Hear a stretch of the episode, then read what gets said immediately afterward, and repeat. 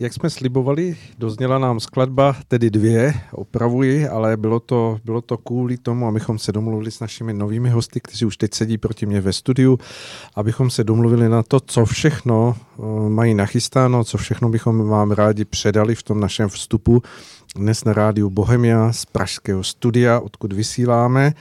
Takže já si dovolím pozdravit a přivítat naše hosty. Eh, začnu možná trochu neslušně, ale protože už je to tady stálý host, Radkem Pechem, kterého zdravím. Vítejte, Radku. Eh, děkuji vám, Aleši, za pozvání. Tímto zdravím posluchače a přeji vám všem krásný dobrý večer. Tak moc děkuji.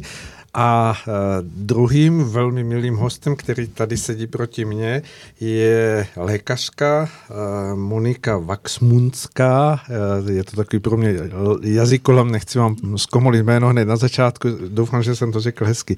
Vítejte v našem studiu a těšíme se na to, co nám tady povíte. Dobrý večer. Já moc krát děkuji rovněž za pozvání a mám radost, že můžu touto cestou promluvit ke všem, kteří si udělali ten čas večer a jsou s námi. Tak, Pojďme na to. Eh, tak jak jste informovali, je toho docela dost, co by bylo zajímavé sdělit našim posluchačům. Tak Radku, nechám to na vás, začněte tím, co považujete teď za nejdůležitější. No, my tady máme takový jako pelmel všeho možného a takového nejpodstatnějšího, protože, jak se říká, v české krajině začíná přituhovat.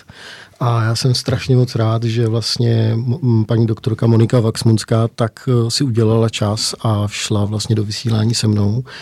A samozřejmě nejenom za to, ale i za to, co dělá vlastně v rámci toho boje jako s tím tady zlořádem.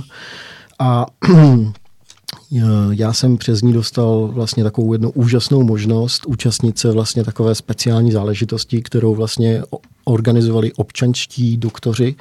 Byla to občanská záležitost eh, a vlastně vznikla na poput vlastně eh, Jakuba Šťastného a Petry Redové, což je vlastně zdravotní sestra, uh-huh. kteří na sociálních sítích sdíleli takové té videa a nacházeli vlastně pod mikroskopem, který si pořídili vlastně takové jako zvláštní předměty a zvláštní věci a tak samozřejmě zaplať pámbu za to, že to někomu začalo vrtat hlavou a že vlastně měl tu odvahu jakoby spunktovat pár doktorů a vlastně pořídit techniku a podívat se na to.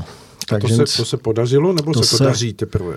To se podařilo a vlastně kvůli tomu i tady dneska se mnou Monika hmm. Vaxmunská je a v zásadě ona nám vysvětlí vlastně, co všechno jsme nějakým způsobem viděli, neviděli, jaký jsou z toho závěry a jaká vlastně byla smysl celé té akce a mm, co jsme tam všechno dělali. Tak pojďme na to.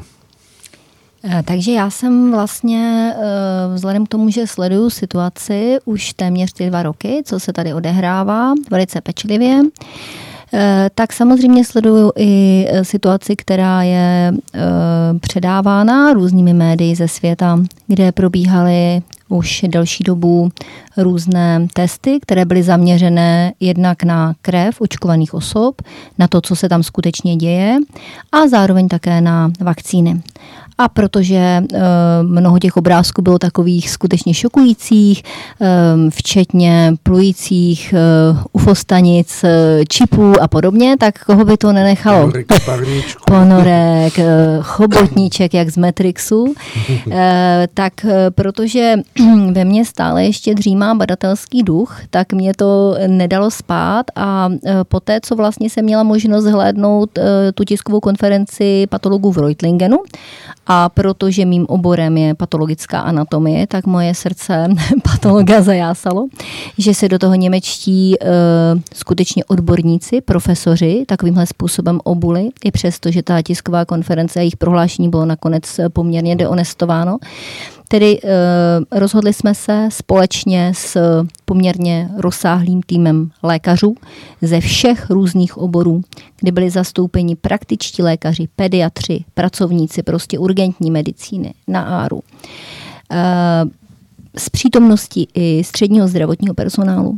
Rozhodli jsme se, že takovou, takový malý český Reutlingen uspořádáme i u nás. A cílem vlastně té naší konference, která se konala na severní, v severních Čechách bylo vlastně zopakovat eh, ty pokusy, které se teda odehrávají, ať už za pomoci nějakých domácích menších mikroskopů nebo kolují po internetu. To znamená, cílem bylo jednak se podívat na krev očkovaných osob a jednak se podívat na samotné vakcíny. Samozřejmě eh, pro mě to mělo i ten velký význam, že se v ten den, v te, při této příležitosti, měli možnost setkat lékaři z různých oborů, dejme tomu z různých uh, organizací, politických stran, hnutí. A to tak, jak si myslím, že by ta spolupráce měla vypadat. Jako napříč, jako spolupráce, napříč. která nehledí na spolupráce, to, která, Spolupráce, která nehledí na to, jak je kdo oblečen, jaký má titul, kde pracuje, kde nepracoval, jestli má placku takovou nebo makovou. Eh, myslím si, že eh, ta atmosféra tam byla absolutně vynikající, hmm. že jsme všichni bez dechu sledovali uh, to, že se i při našich výzkumech potvrzuje to, co vidí lékaři z celého světa a na co upozorňují. Uh, my jsme měli možnost vyšetřit 11 uh, osob různého pohlaví, různého věku, takže byli očkovaní mladí i střední věcí i ve té kategorii seniorů kdy eh, jsme eh, měli vlastně dobrovolníky z řád očkovaných dvěma dávkami eh, firmy Pfizer, vakcínou Comirnaty. A u všech těchto osob byl pozorován schodný nález. Uhum. Abychom měli samozřejmě ten, to pozorování mm, mohli srovnat s něčím, měli jsme samozřejmě i skupinu neočkovaných, takže mě bylo možnost srovnání těch změn, které se tam dějí. A skutečně eh, v té krvi očkovaných osob, tak podobně jak to popisují eh, lékaři ve světě, dochází k tvorbě vlastně takových eh, ruličkovitých formací a sraženin, což jenom vlastně mikroskopický obraz toho, co se potom děje v tom klinickém obrazu, kdy se jsou hlášeny ze světa, ze všech zemí, kde tahle očkovací mánie probíhá. Vlastně jenom pak vnějškové vnějškové projevy eh, těch krevních sraženin, které potom jsou popisovány jako infarkt u mladých lidí, mm-hmm. cévní mozková příhoda. Eh, mohou to být vlastně problémy s prokrvením, v různých částech těla, který samozřejmě mohou mít různou symptomatologii, což je trošičku taková ta, taková ta triky záležitost, která se, která se eh, vakcinačním, eh, vakcinačním mágům podařila, protože ono pak se vždycky dá říct, že to s tím nesouvisí. Ano, že argumentováno tím, že to jsou nesouvisející Že jsou to nesouvisící projevy. Další věcí, kterou jsme tam pozorovali, bylo, že uh, ta uh, krev vykazovala velice často přítomnost i těžkých kovů, zvláštních vlastně proteinových a chemických zhluků. Co ovšem není úplně potěšující zprávou pro nás, uh, nebo pro ty z vás, kteří ještě očkovací mány nepodlehli, je to, že určité nálezy typu těžkých kovů se nacházejí i v krvi osob neočkovaných. Hmm což by za nás s takovým předběžným nálezem svědčilo proto, že například teorie chemtrails rozhodně asi nebude jenom konspiračním blábolem, protože ta zátěž naší vlastně současné, současné populace bude asi enormní. Hmm. Můžeme se domnívat, jestli se takové látky mohou samozřejmě dostávat i z vody, která si myslím, že může být jedna z dalších věcí, kterou ti, co to tady organizují, mohou vlastně zautočit na populaci. Uvažuje se tady třeba o grafenových čističkách vody, což by byl tah na bránu. Eh, rovněž potrava, kde máme grafenové postřiky na ovoce, aby bylo ovoce řádně chráněno na zeleninu, tak to je další tah na bránu na naše těla. Eh, takže eh, závěrem vlastně toho bylo, že skutečně ta krev očkovaných se liší z toho hm, souboru, který pro nás byl poměrně malý a jistě, jistě máme v plánu pokračovat provádět i srovnání e, té krve třeba s odstupem měsíců vzhledem k životnosti červené krvinky, která je 120 dní, tak jistě bude velice zajímavé, pokud by se nám podařilo pozvat ty lidi hmm. znovu a podívat se na tu krev s tím odstupem těch tří měsíců. Někteří z očkovaných, když to viděli, protože měli možnost všichni e, pozorovat vlastně ty změny, tak e, mají zájem o tom, něco se sebou udělat. To znamená, pokud my budeme moct nabídnout, aspoň v rámci současných možností, nějakou detoxikační mm, terapii, jo, tak určitě tady ta možnost je. Jsou to samozřejmě věci, které se rozvíjejí, protože popravdě řečeno stále ještě nikdo pořádně neví, co všechno se nakonec v té vakcíně objeví. Ale e, šance tady lidem, kteří o tu pomoc stojí, pomáhat, je obrovská.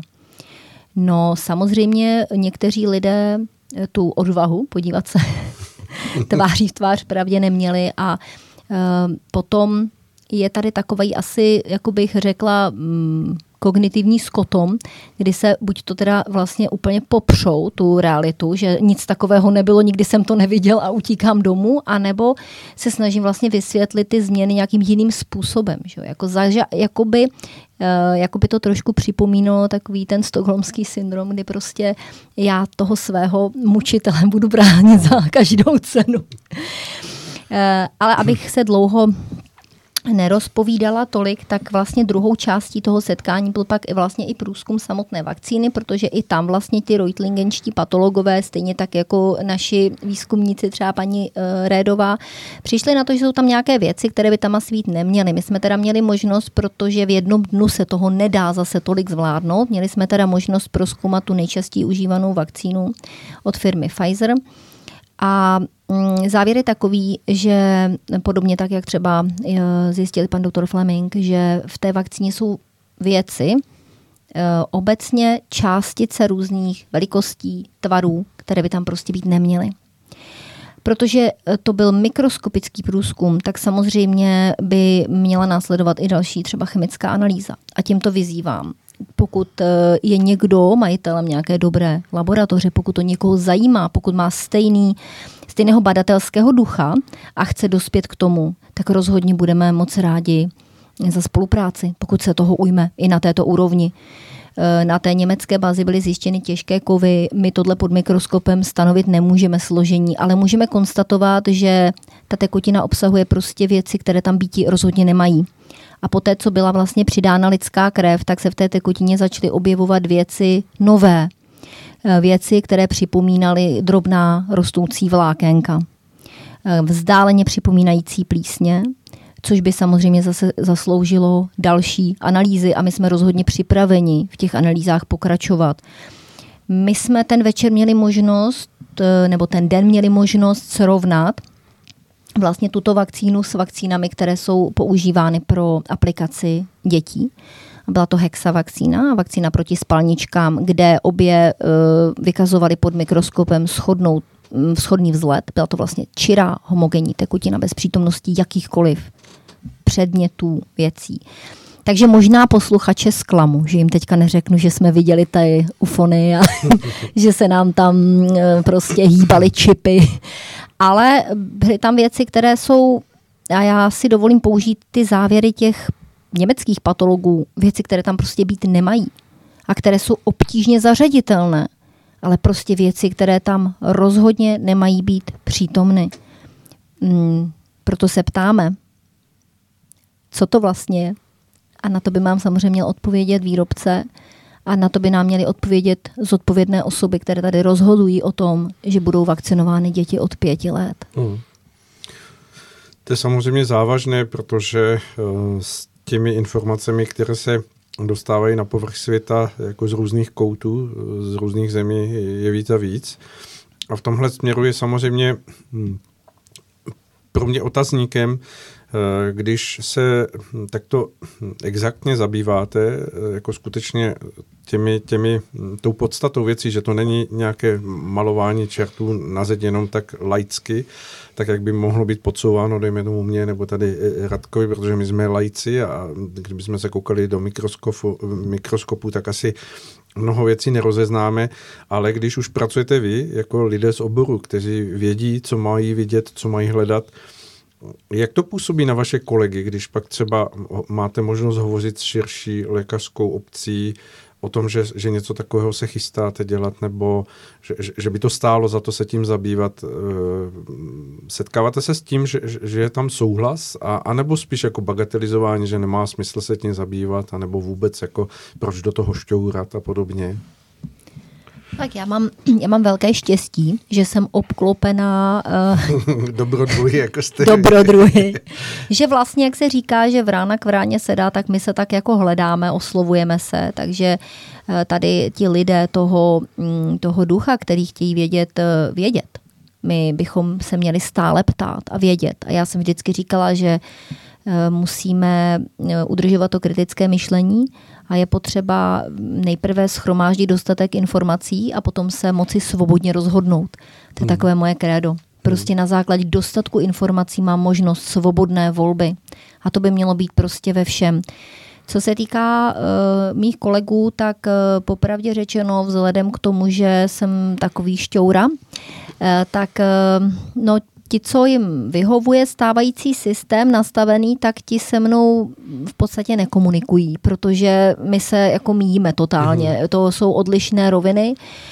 A e, myslím si, že i tady je dost často taková ta varianta těch, e, co viděli tu svoji krev, to je takové to popírání té skutečnosti. Mm. Nebo snaha najít nějaké to jiné vysvětlení. Ono to tak určitě není. Ona ta krev by se srazila stejně.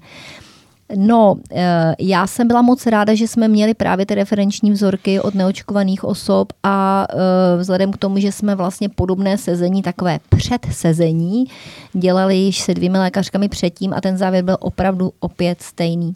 Takže eh, kdo chce vidět, ten, ten vidí, ten ty oči otevře a kdo nechce vidět, tak ten je pevně zavře a neuvidí, že nad ním hoří střecha domu hmm. že je prostě v plamenech, protože to, ne, protože to nepřipustí.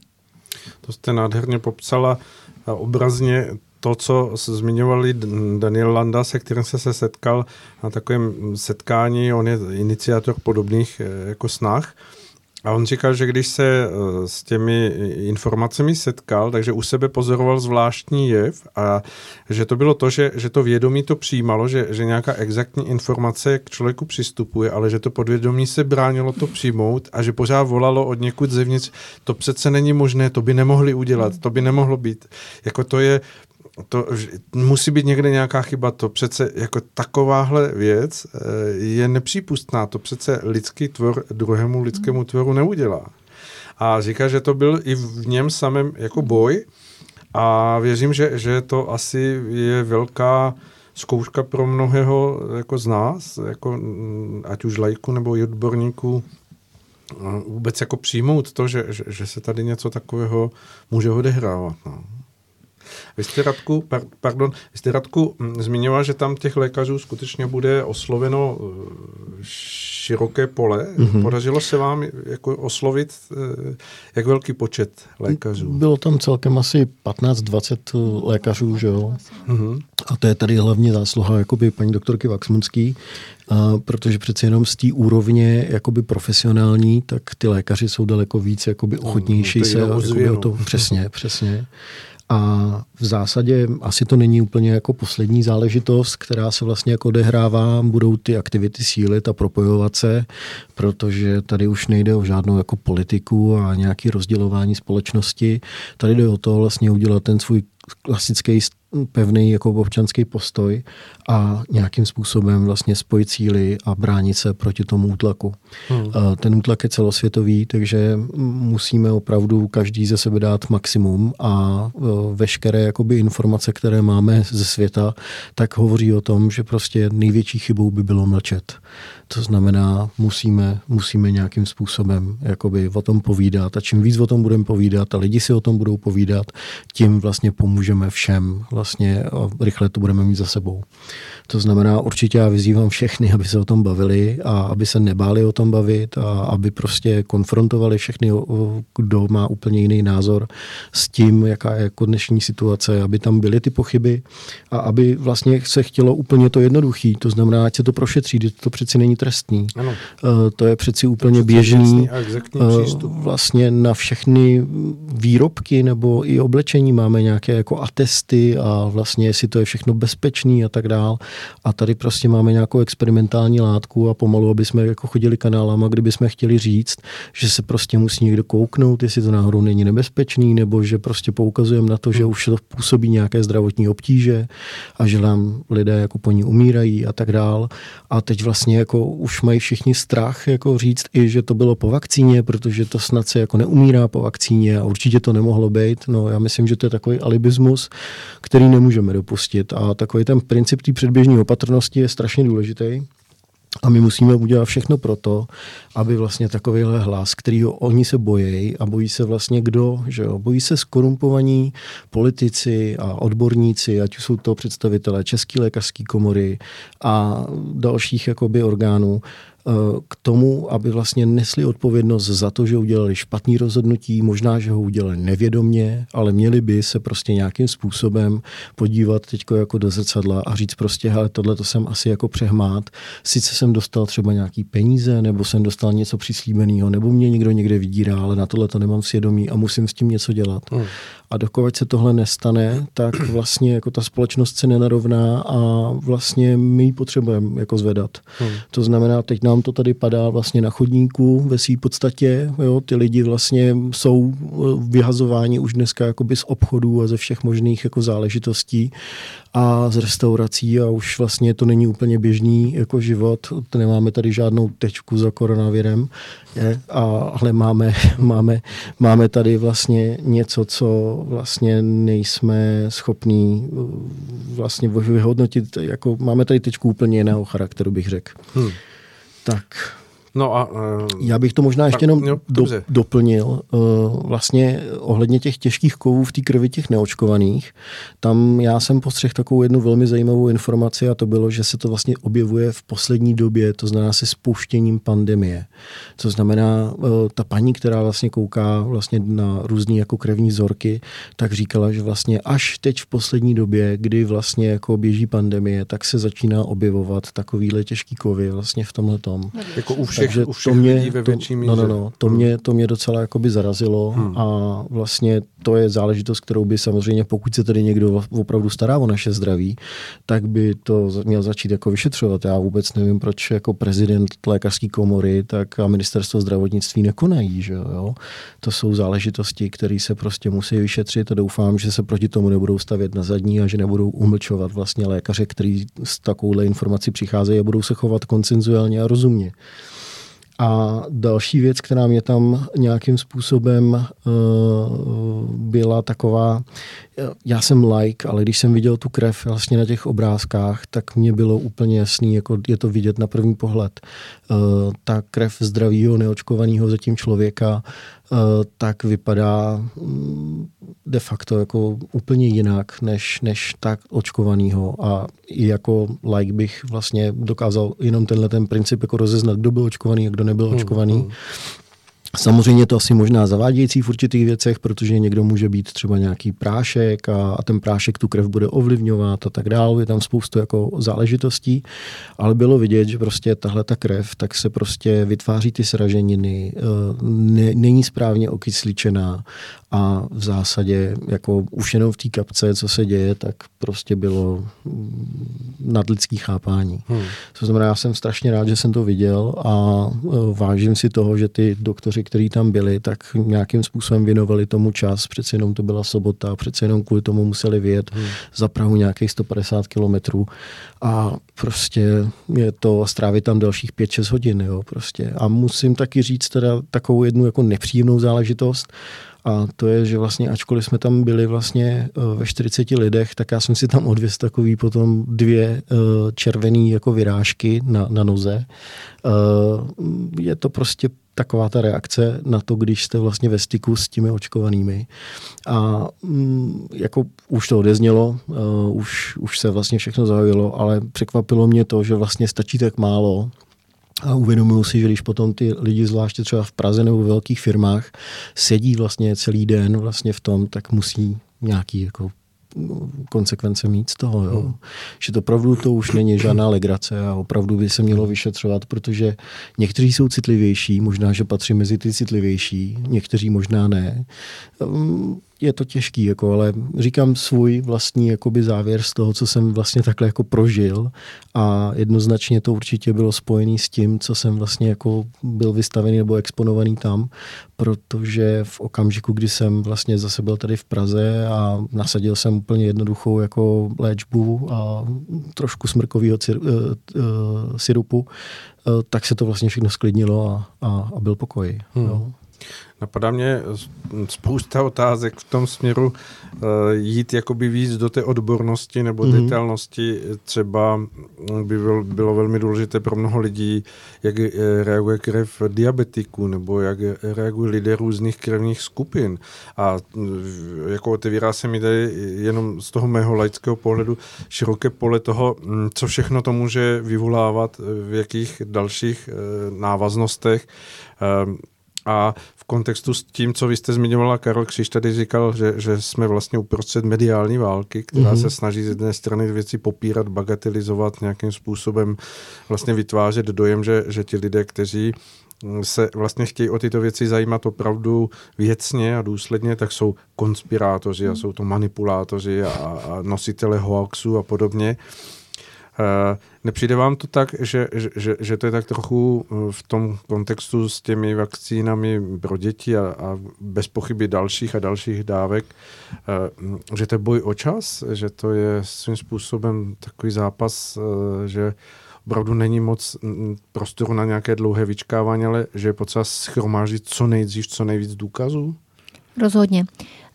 Samozřejmě tady by se dalo rozvíjet tohle téma velice Eh, bohatě a košatě, protože kromě toho by bylo velice zajímavé se právě podívat na třeba krev neočkovaných osob, kteří jsou v dlouhodobém styku s očkovanými. Uh-huh. Jsou to třeba partneři, uh-huh. manželé, kdy jeden z nich prostě očkovaný je a jeden není. Uh, to je to, co vlastně tady, o čem mluvil Radek, tak je věc, která se jako skutečně a reálně děje.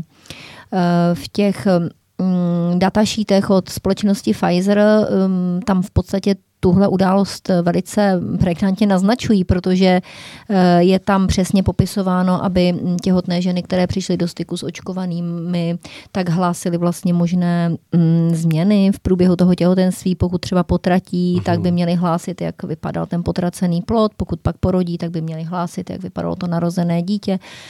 No, je to velice zvláštní, protože tohle je věc, která se prostě nikdy hlásit neměla a nemusela. Eh, a najednou je to vlastně v těch regulích. Eh, bylo taky, je taky řečeno, že, po očkování by se měl člověk eh, vyvarovat alkoholu, nějakých 14 dní v Rusku, to mají myslím na 6 týdnů. A tak nějak jako mezi, mezi lidmi se říká, že pokud je v těch vakcínách přítomen grafen, tak právě alkohol je ten, který ten grafen velice úspěšně rozpouští. Uh-huh. Takže bychom pak byli doma. Já jsem v naprosté schodě eh, s tím, co jste říkal. My máme strašně málo času. Je vidět, že se celý ten proces velmi urychluje. Eh, pokud by eh, cílem bylo mm, vakcinovat tu společnost, tak by se mohlo, nebo pokud by bylo cílem prostřednictvím vakcíny vpravit do lidí něco, tak by se to mohlo provádět eh, v poměrně delším časovém úseku. Takže je tady něco, co je tlačí, co organizátory tohoto celého eh, podvodu strašným způsobem tlačí.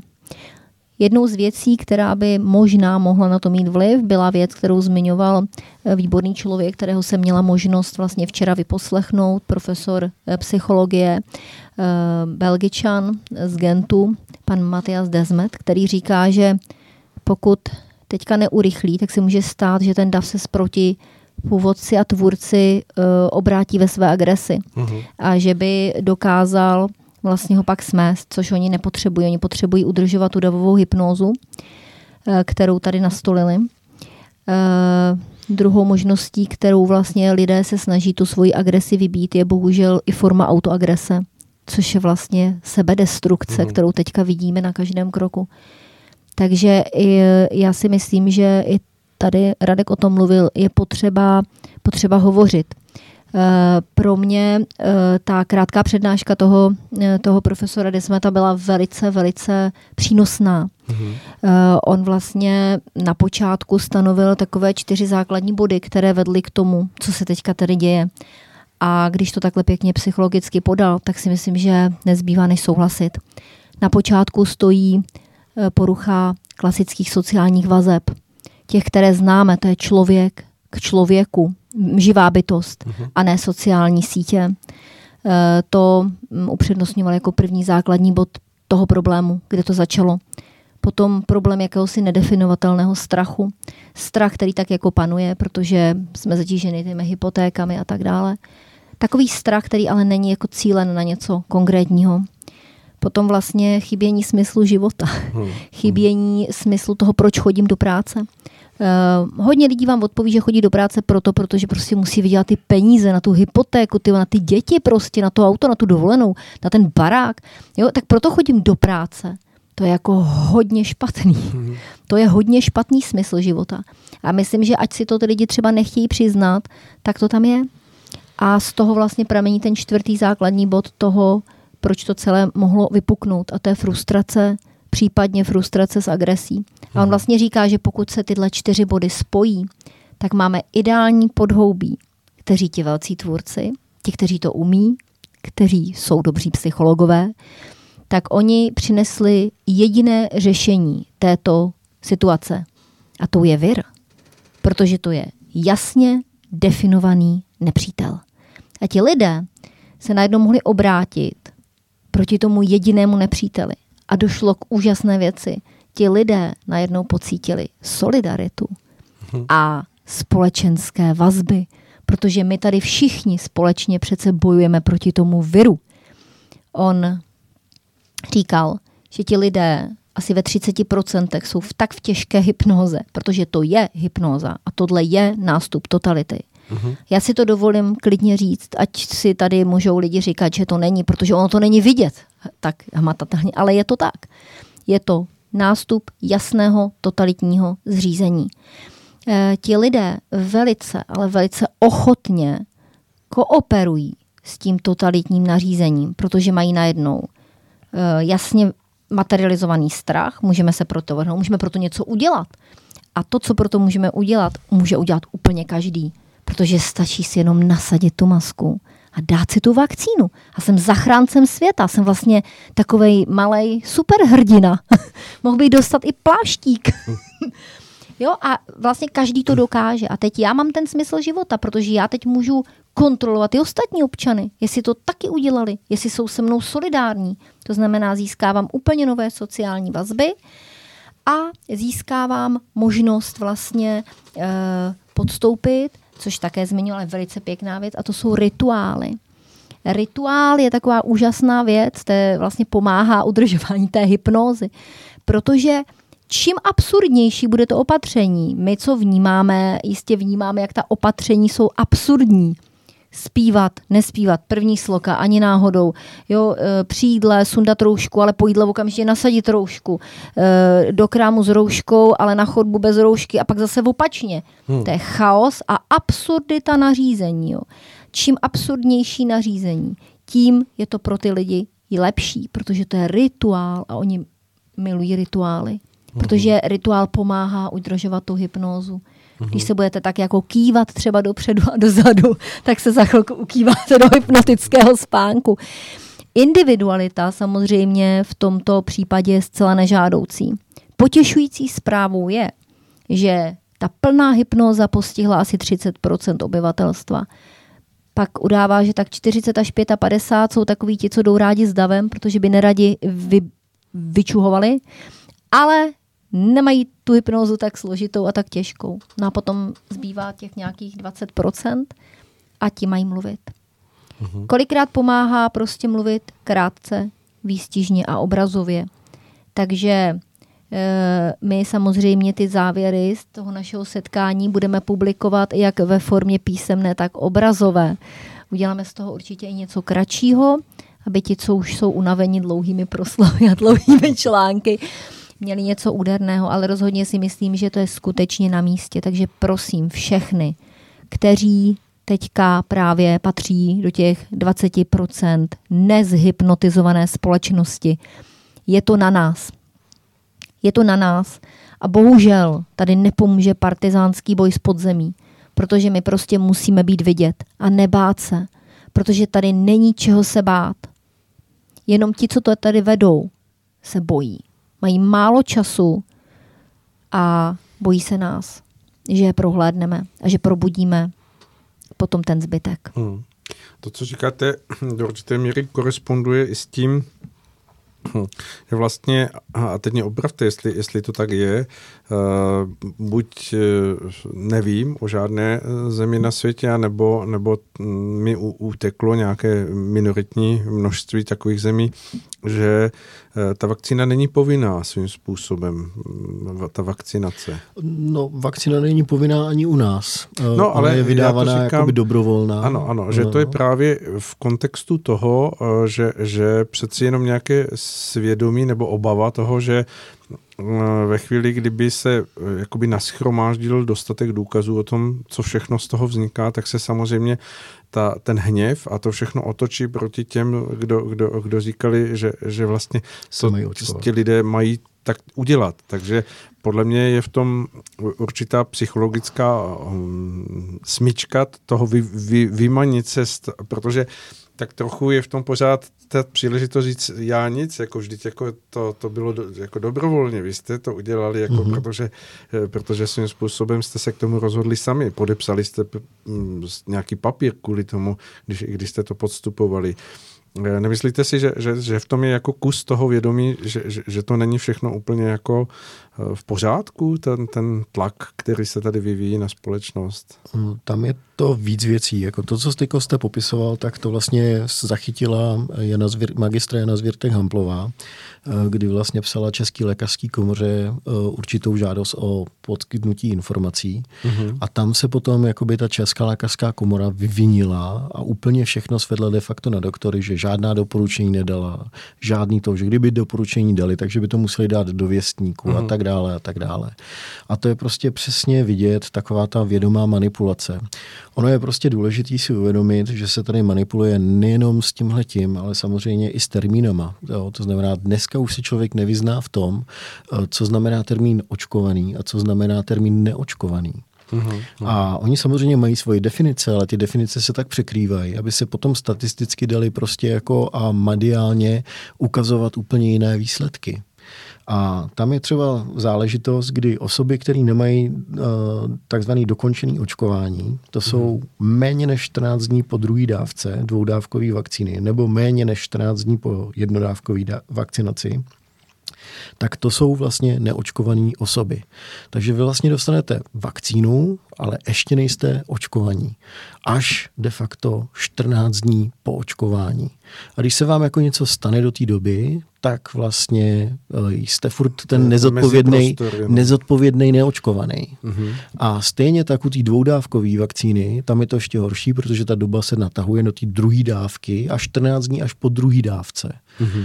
Takže vlastně ta manipulace je prostě naprosto nepředstavitelná. A vlastně jako, když se náhodou stane nějaký jakoby mm, nežádoucí účinek a nedej bože smrt nebo úmrtí a v zásadě třeba i hospitalizace v nemocnici, eh, tak je to všechno na vrub neočkovaných.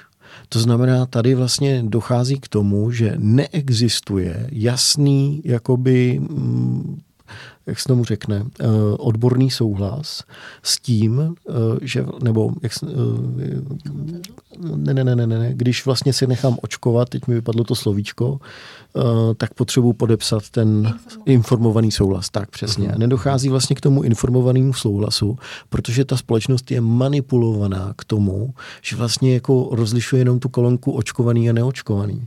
Ale to, že se zatím schovávají vlastně jako by ty očkovaní, který možná mývají problém problémy a mají je podle našich informací tak a samozřejmě i po těch celosvětových.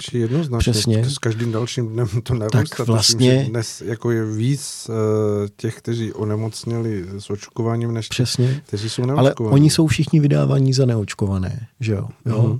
A to je vlastně potom to, co straší tu společnost, protože oni furt vidí, jako že neočkovaní a tuhle to. No, není to tak. Jo? Prostě ono dneska jako manipulovat statistiky, tak samozřejmě je problematické, ale oni se nějakým způsobem manipulují a v zásadě, aby mohli manipulovat, tak je prostě nějakým způsobem mají takhle vydefinovaný, to znamená, aby byli nejednoznační. Aby se vlastně nemohlo říct, Ježíš Maria, tadyhle to byli všechno očkovaní a ty tady nám leží na jípce a tadyhle nám vlastně jako mají takovýhle nežádoucí účinky. Ne, tak se tam furt hraje vlastně ta hra s tím neočkovaným. Hmm. A to už si myslím, že je dost zásadní atribut k tomu, aby prostě rozumně uvažující člověk jako se trošičku zastavil a říkal, jako tady asi prostě něco nehraje. A notabene s tím, když potom minister zdravotnictví si vlastně e, dovolí vystoupit před veřejnost a říct a označit neočkované za hrozbu společnosti a, a nezodpovědný. pandemie nebo Přesně. pandemie. A tady prostě dochází nejenom k tomu, že prostě rozděluje tu společnost, což by prostě žádný politik ze zákona neměl dělat, protože jsou na to paragrafy, je tam paragraf 402, hrozí za to až 20 let vězení a prostě nemůže se tady vytvářet, diskriminovat jakákoliv skupina. Když se prostě něco takového dělo v Číně, tak jsme byli všichni jak na tom, na, na, na, na, na jehlách. Neustále, neustále tady se řešil Tajvan a neustále se tady řešil Tibet a nevím co všechno dalšího. A tady se nám to děje přímo doma, v našem jakoby regionu a vlastně je to každému úplně šumák. Jo? To, to znamená... Doufujeme, že ne, že minimálně těch no, 20%. Jasně, jasně, ale ty většinové společnosti. Jo? A uh, vlastně to důležité, co z toho si musíme vzít, je, že prostě my si to nemůžeme nechat líbit a my se tomu musíme postavit a musíme proto, nebo proti tomu něco dělat. A to, co bychom proti tomu měli dělat, je, že vlastně ten úkol bychom měli převzít všichni. To znamená, ať už očkovaný, tak neočkovaný. A určitě jako víte, že vlastně jakoby dochází k tomu, že v restauracích tak vlastně vás jako kontrolují, jestli máte nějaký testy, je to nezákonný, všichni o tom vědí, ale všichni se na tom ve své podstatě podílejí. To znamená, dokud nebude jasný jako signál od všech, ať už jsou to očkovaní nebo neočkovaní, že postupují stejnou souhlasnou notou, to znamená, že neukazují své průkazy očkovaných nebo neočkovaných, ať jsou očkovaní nebo neočkovaní, tak to je prostě to, co vlastně můžou ty lidi udělat. Oni samozřejmě můžou udělat daleko víc, eh, pokud se nebojí a pokud je to jenom vlastně kvůli tomu, aby neměli nějaké problémy, tak klidně můžou odhodit, já si myslím, i roušky, respirátory, protože ten rouška, respirátor nikoho neochrání. Ta třída FFP2 je prostě záležitost, která vlastně nesplňuje podmínky pro to, aby zachytila vír. a... jsem slyšel takové hezké přirovnání, že je to stejné jako jít s prosevačkou na písek na, na mouchy. Přesně, přesně. A vlastně navíc, když se kdokoliv podívá do evropského systému RAPEX pomocí D-testu, tak zjistí, že všechny ty roušky, které tady vlastně všichni nosí, eh, tak jsou na de facto černý listině, to znamená, je to nebezpečný výrobek a buď to nemá atest, nebo to nemá prostě uh, propustnost, nebo to má propustnost třeba, nevím, 28% a uh, už to neochrání před nějakým jako virem a je to úplně ne, jako zbytečný to nosit. Tuším, a v že, okamžiku, že kdy vlastně jako dýchám vlastně jakoby v takovémhle prostředí a teď vlastně se všem spouští jako rýmy a nudličky a něco všechno dalšího, vlhko, tak se tam prostě mhm. udělá takových bakterií a všeho, všechno to vlastně dýchám zpátky. Existují studie na to a dokonce premiér Babiš to dostal od nás, eh, dostala to paní Jágrová, tenkrát ještě paní doktorka Rážová, eh, ministr zdravotnictví Blatný.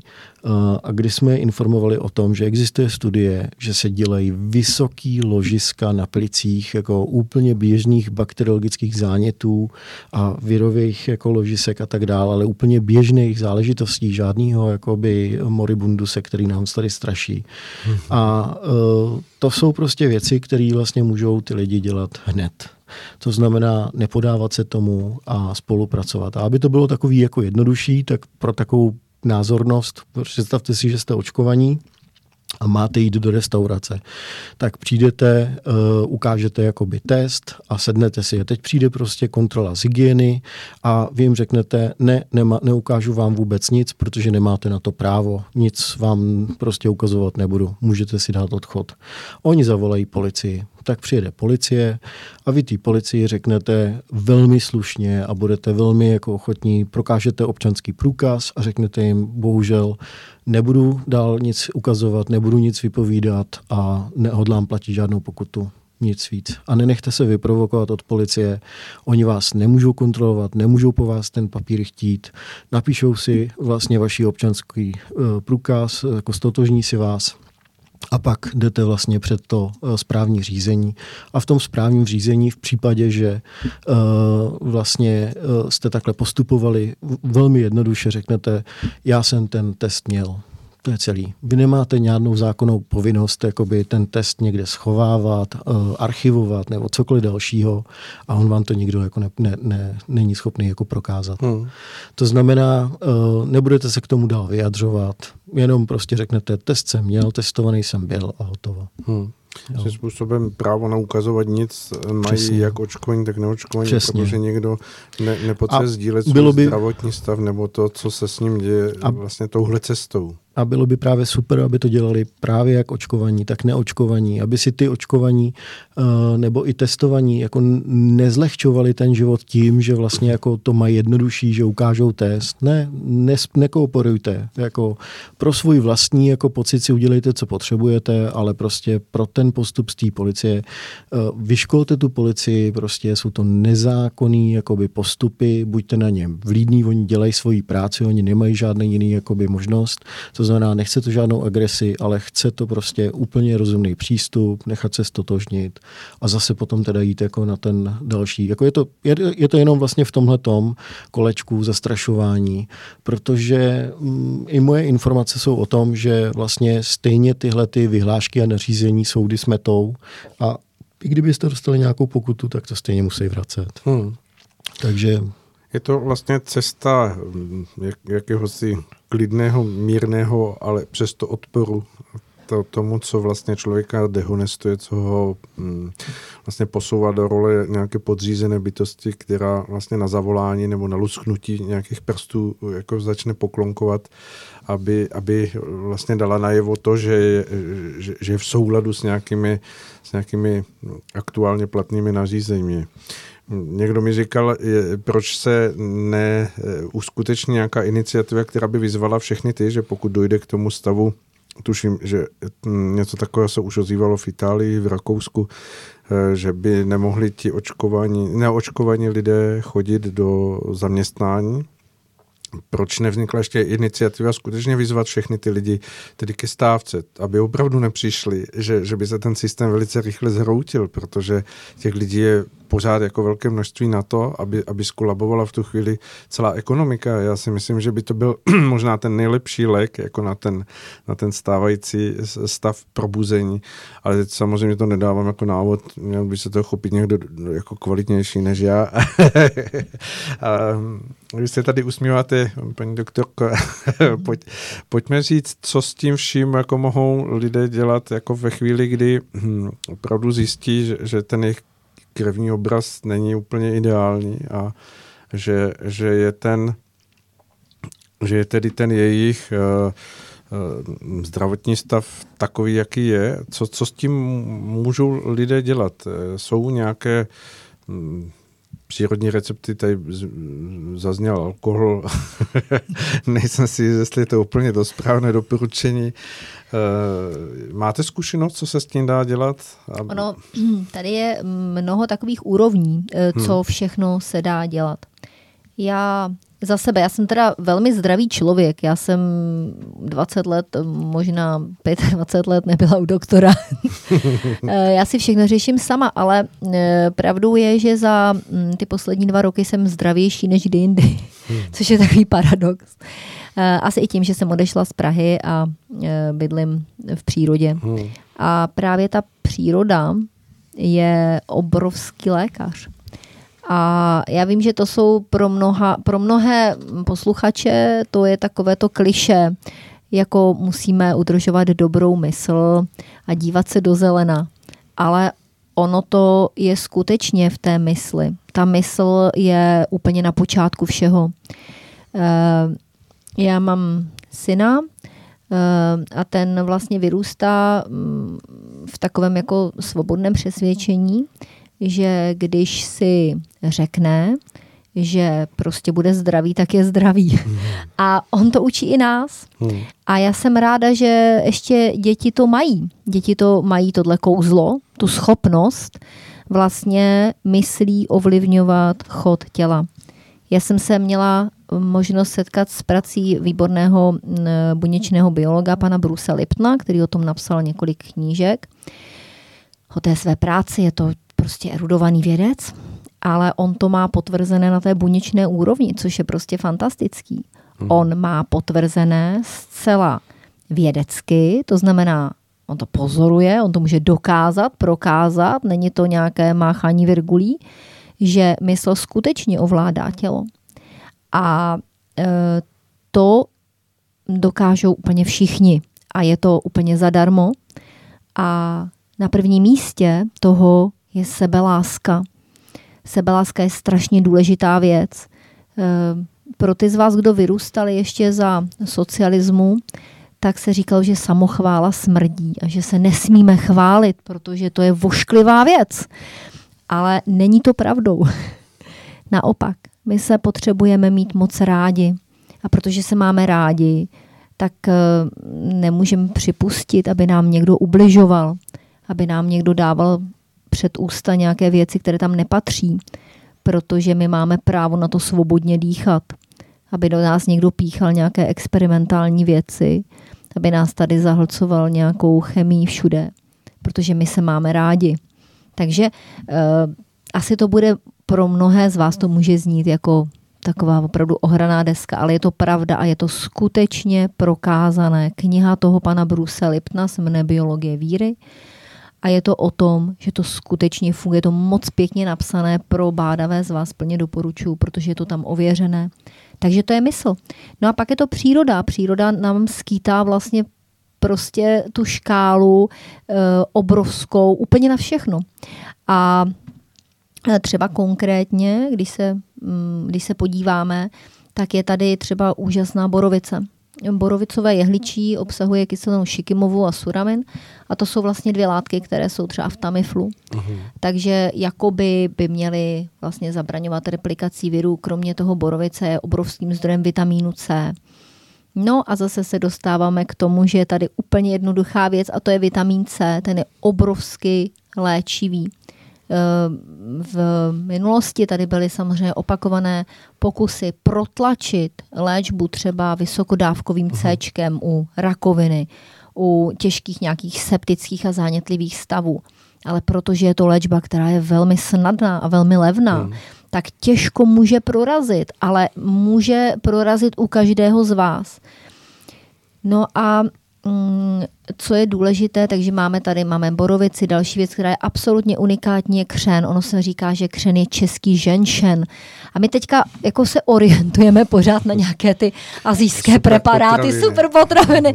Máme tady chlorelu a já nevím prostě a houbičky takové makové a ženšen samozřejmě, ale my ho máme jako na zahradě, takže kdo má zahrádku, tak má český vlastně ženšen, to hmm. je křen. Křen má v sobě zase obrovsky důležité věci. Eh, mm, pro milovníky kombinace s tím alkoholem. Já jsem poprvé vyzkoušela křenovici mm-hmm. a to je, mm, eh, to se může brát jako tinktura, to znamená 20 kapek, ano, přesně samozřejmě. tak 20 kapek na lžičku a ta postaví, ta křenovice postaví na nohy nebo štíka.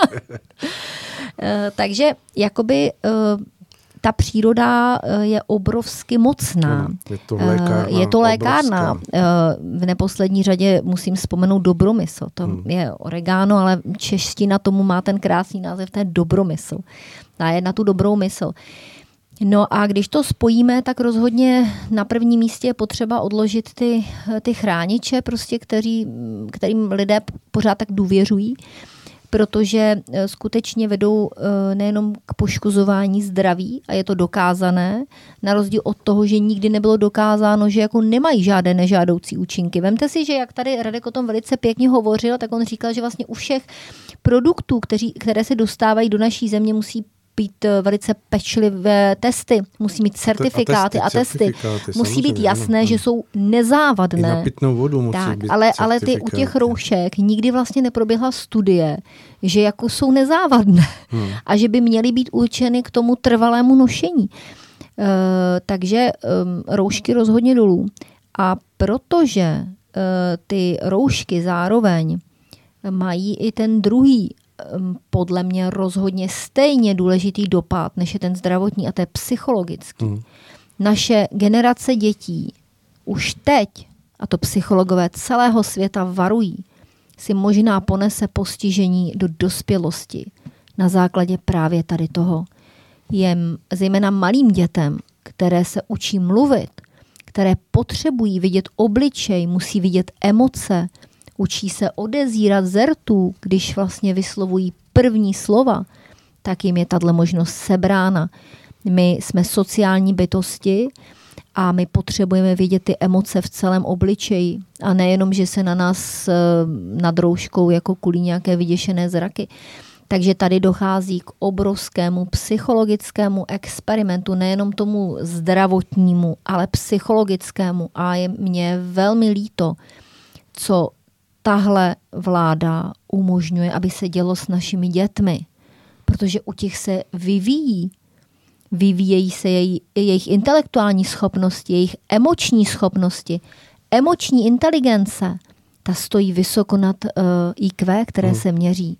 Emoční inteligence je mírou úspěšnosti toho člověka v životě. Solidárnosti, citovosti, vnímavosti kolektivu. Přesně. Hmm. A tohle nám berou. Takže já si myslím, že my si to prostě nesmíme nechat sebrat. Jako úsměv na dětské tváři. Úsměv na naší tváři. Obětí sebeláska, život ve štěstí, život s bytostmi, které máte kolem sebe rádi. Obklopujte se těmi, které máte rádi. A věřte, že se to na vašich buňkách projeví. A to je to, co vidím jako zásadní problém, protože od počátku tady neproběhlo ani jediné slovo o tom, jaká je prevence. Od počátku tady bylo akorát vyhrožováno, hypnotizováno, zastrašováno, odebírány veškeré e, možnosti, jak by si člověk udržel svoji individualitu, to je takové krásné německé slovo, to je zglajšaltování, tak my ano. jsme tady musíme všichni do té, do té řady. To je jak v písničce od Pink Floydu. Eh, všichni musí pochodovat do toho mlínku na maso. Hmm. No a já myslím, že máme šanci prostě přestat pochodovat do mlínku na maso.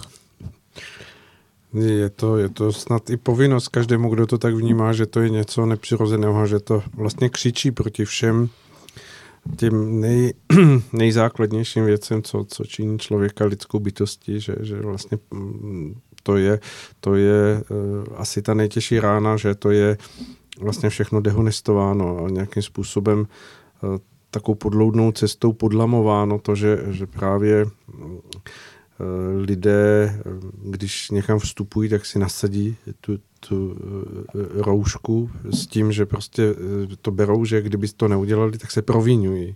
A to je vlastně něco, co, co odporuje té přirozenosti, protože kdyby to tak mělo být, tak, tak jsme se narodili s nějakou záklopkou těch našich dýchacích cest. Eh, a v tom je vlastně veliký souhlas, co říkáte. Já jsem moc rád, že to říkáte, že, že vlastně ta naděje je v tom návratu k té přirozenosti, vnitřní odvaze, v té, v té sebedůvěře. Vy to popisujete jako sebelásku, abych to vnímal jako vnitřní důvěru v sebe sama, v, v mé schopnosti, v, v mé dary a v to, co, co vlastně u sebe vnímám, že mohu na, na venek dávat druhým lidem. Takže to je obdivuhodné, že, že um, to může zaznívat tady u nás na, na rádiu Bohemie, aspoň jako náhrada toho, proč se o tom nehovoří v těch eh, mainstreamových médiích. To za to vám velmi děkuji, paní doktorko. Vy se tady, eh, Radku, díváte mezi tím ještě do nějakých svých eh, poznámek, tak pojďme, utíká nám čas, ale myslím si, že myslím, natáhneme že to... trošičku, protože eh, doufám, že posluchači nám to prominou, že, že malinko přetahujeme, ale přetahujme. Je toho, je toho právě hodně. A tak pojďme já si, na to. Myslím, já si myslím, že se vlastně uh, to, o čem jsme se tady bavili, tak vlastně ještě i popisuje tu situaci, že existuje spoustu jako občanských iniciativ, hnutí a organizací, kteří začínají prostě jako vyloženě řešit tuhle tu situaci a uh, začínají vlastně úplně s nestandardníma věcma, který vlastně bychom si tenkrát ještě v 2019 nedokázali představit. A dneska je tady vlastně uh, uskupení pro libertáte, a to je vlastně jakoby Institut práva občanských svobod. A taky je tady Zdravý fórum a je tady taky Zlatý špendlík.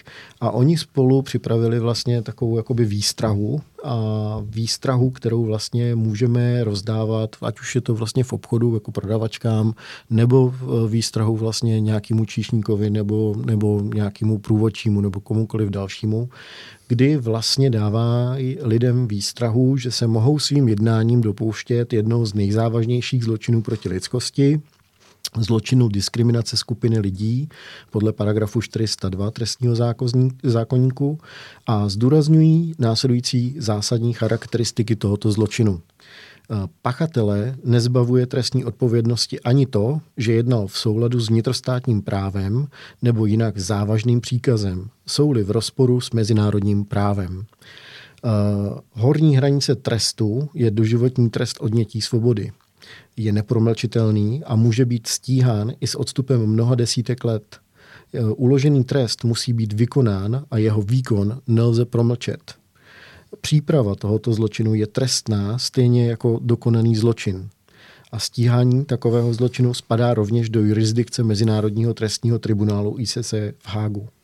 Eh, to jsou záležitosti, kdy se vlastně člověk úplně nevědomě jenom dodržováním nějakých opatření a nařízení, eh, které vlastně nejsou ani zákonnou normou, ty jsou podzákonnými normami, dostává do pozice, kdy na něj vlastně jako ty politici přenášejí odpovědnost za výkon takového opatření. A to je strašně nebezpečný. A tak to si ty lidé... druhé světové války, že? Přesně, ty, přesně. A ty, ty lidi... lidé pouze splňovali nějaké nařízení, které bylo platné, oni se považovali tak. za malé kolečko které s tím nic nemůže udělat. No. A lidé vlastně v tomhle by měli trošičku zastříhat ušima, a opravdu zvážit, eh, protože proč vlastně existuje takováhle záležitost? Jak je to vlastně jako možný? No je to kvůli tomu, že kdyby vám dal někdo nějaký příkaz, například, že mm, teď v závislosti v boji v nějaký pandemii musíte prostě nejlépe vyskočit z okna, tak vy vlastně musíte mít možnost jako ten příkaz nesplnit, eh, protože vlastně je v rozporu s tím vaším jako životem a v rozporu s tím, co vlastně byste měl udělat. Že jo? To znamená, ten příkaz proto není tak dogmatický. A e, samozřejmě v dobré společnosti a v dobrých mravech, pokud jsou ty nařízení a ku prospěchu a vlastně opravdu mají nějaký jako preventivní charakter a předpokládám, že kdyby tady byla prostě daleko nějaká horší situace, tak asi tady nikdo nesedíme a nikdo tady nemudrujeme. Ale mm, dneska je to o tom, že vlastně je to silně zase zneužíváno a ty lidi tak musí nějakým způsobem uh, vzít svoji odpovědnost do svých vlastních rukou a říct prostě, tohle to jsou nezákonná opatření, tyhle my nebudeme dodržovat a my to nebudeme podporovat, my se na tom nebudeme podílet. Je to vlastně tak jednoduchý, to znamená, kdyby jsme byli vlastně všichni jeden muž a nebáli se a jedna žena, tak vlastně všichni můžeme nějakým způsobem jenom neplnit ty příkazy a ignorovat je. To je asi to nejjednodušší a nejlepší. To znamená, oni nás zotročují k tomu, aby vlastně využívali těch druhých, rozdělovali tu společnost a to je špatný, je to prostě trestný. Eh, určitě, když to jednoho dne praskne, tak vlastně všichni, kteří se na tom podílejí, budou z toho mít těžkou hlavu a bude tam ta kognitivní disonance, ale prostě můžete vlastně dneska, ještě je čas, ještě je čas to všechno zastavit a chce to jenom prostě odvahu, nesouhlasit s tím systémem, nehádat se, bavit se o tom v rodinách, eh, snažit se to prostě nějakým způsobem prosazovat a samozřejmě koukat správným směrem na vyníky. Rozhodně nekoukejte na neočkované jako na vyníky. Rozhodně nekoukejte na očkované jako na vyníky. Rozhodně koukejte na ty, kteří takováto pravidla zavádějí jako na vyníky. A nikdo tady nechce žádnou rebeli, nikdo tady nechce žádný jako uh, vojenský povstání. akce, povstání nebo cokoliv dalšího, ale chceme spravedlnost, chceme, aby se to vyšetřilo a chceme prostě, aby když tady jde o zdraví, tak aby opravdu o to zdraví šlo a aby to nebyla jenom zástěrka k tomu, aby se tady nastavily nové totalitní praktiky. Hmm. Napadá mě cesta eh, Gandhiho odporu v té indické společnosti, kdy podlehali vlastně britské kolonii, jako, jako britská kolonie té, té nadvládě Commonwealthu, tak eh, že, že vlastně ta cesta může vést skutečně tím, že Eh, si pouze lidé budou dbát na tu svoji vlastní hrdost a svobodu a, a budou za sebe rozlišovat, co už překračuje u nich tu hranici a, a nepřekračuje. Ale to souvisí s tím, co jste vy říkala, že nejprve lidé musí tu svoji určitou hrdost uh, jako znát, mít, mít, jí, mít tu svoji vnitřní důvěru a schopnost říct, tak toto už jako dělat nebudu, protože to je pro mě za hranicí, abych, abych se k něčemu takovému připojil jen tak bezmyšlenkovitě, bez, bez nějakého logického vysvětlení. Mm-hmm. Já bych možná doplnil ještě k těm dalším aktivitám, které se vlastně jako takhle dějí a jsou mimořádný, že vlastně máme tady okno, jo, okno, hmm. aby jsme otevřeli, udělali ten průvod. Ne, ne jako u nás ve studiu, ale... no, určitě ne, je to další aktivita, je velmi chytrá a mazená. Eh, je to vlastně eh, odborová konfederace neočkovaných občanů a vlastně je docela dobrý, když už ty volby dopadly tak, jak dopadly, aby teda aspoň byl a existoval nějaký subjekt, který by hájel vlastně naše zájmy. Všichni to známe, jsou tady různý odborový centrály a tak dál. To znamená, jako je potřeba se spojit, je potřeba vlastně se nějakým způsobem dát dohromady a nechat vlastně ty lidi za nás jako řešit takovéhle záležitosti. Hmm. To znamená, propadlo tady ve volbách spousta hlasů a já si osobně myslím, že jako není nic špatného jako eh, podpořit vlastně to dobrovolnost toho očkování eh, tím, že se prostě přidám do takovéhle konfederace a a to, hmm. Eh, to znamená tam, eh, když tak potom pod vysíláním, tak bude v textu nějaký odkaz, kde se vlastně můžou žádat o přihlášky lidi a samozřejmě tichá pošta. Eh, všichni si to musí říkat mezi sebou, jak to vlastně všechno funguje.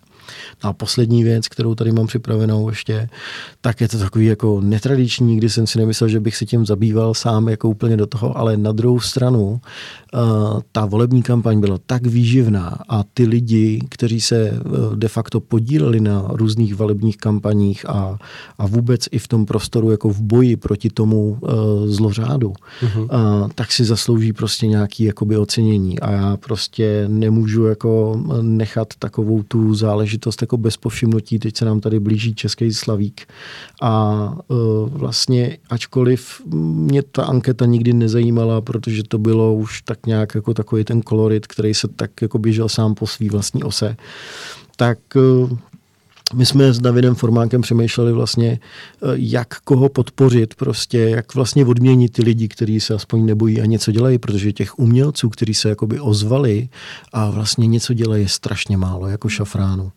A proto vlastně jako doporučujem, dneska se vlastně dá uh, hlasovat pro pět vlastně osob v týdenné kategorii.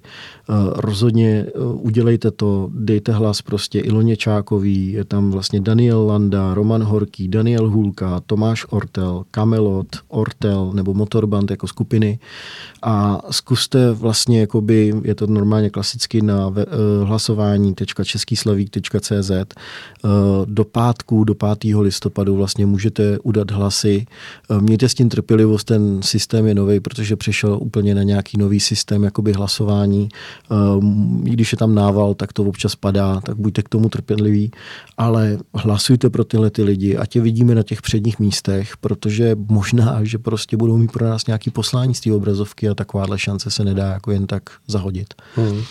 Takže to já si myslím, že je prostě dost důležitý, aby jsme se nějakým způsobem vyjádřili vlastně i podporu těmhle těm lidem, kteří se za nás jakoby postavili. Hmm, určitě zajímavá myšlenka. Škoda, neumím zpívat, asi nic jako nevyhraju, ale aspoň máme eh, Radio Bohemia, kde můžeme o těchto věcech hovořit. A já jsem moc rád, že jste dorazili dneska do, do rádia. Vaši milá návštěva myšlenky a informace, které jste přinesli, si myslím, byly velkou vzpruhou pro naše posluchače.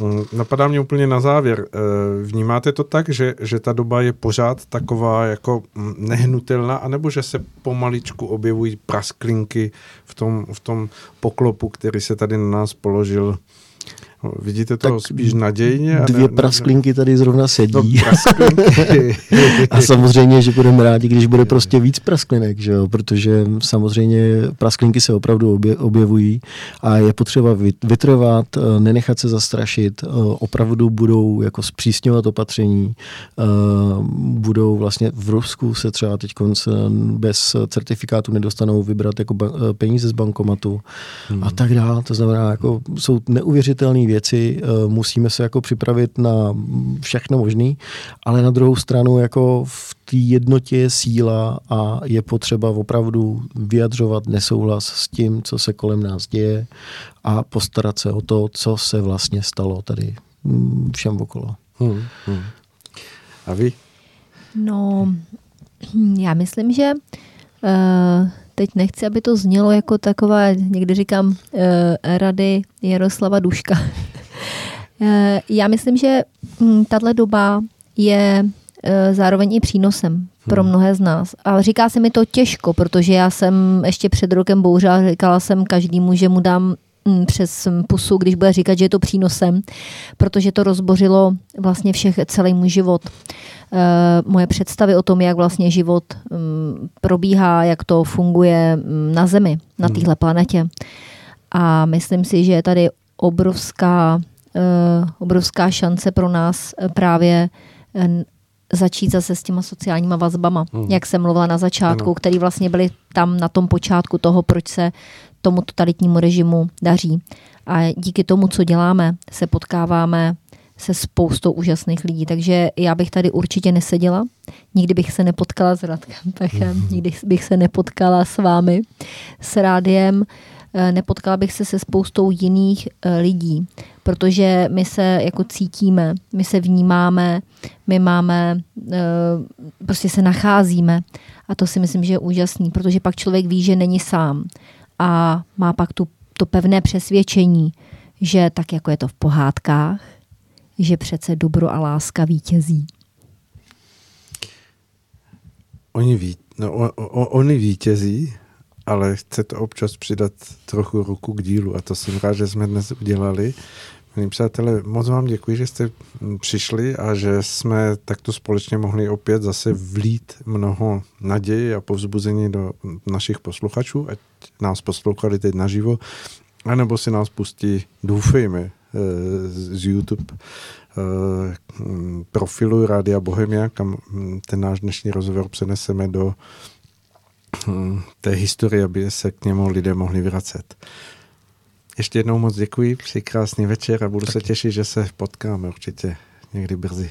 Já moc krát děkuji za pozvání a přeju pěkný večer všem posluchačům. Tak já přeji to samé a děkuji. Mějte se. Hezký večer. Tak a to už bylo opravdu úplně všechno a já přeji vám všem za Radio Bohemia to, co říkáme vždy na závěr. Věřme, že, budeme, že bude lépe a dělíme věci tak, aby lépe bylo.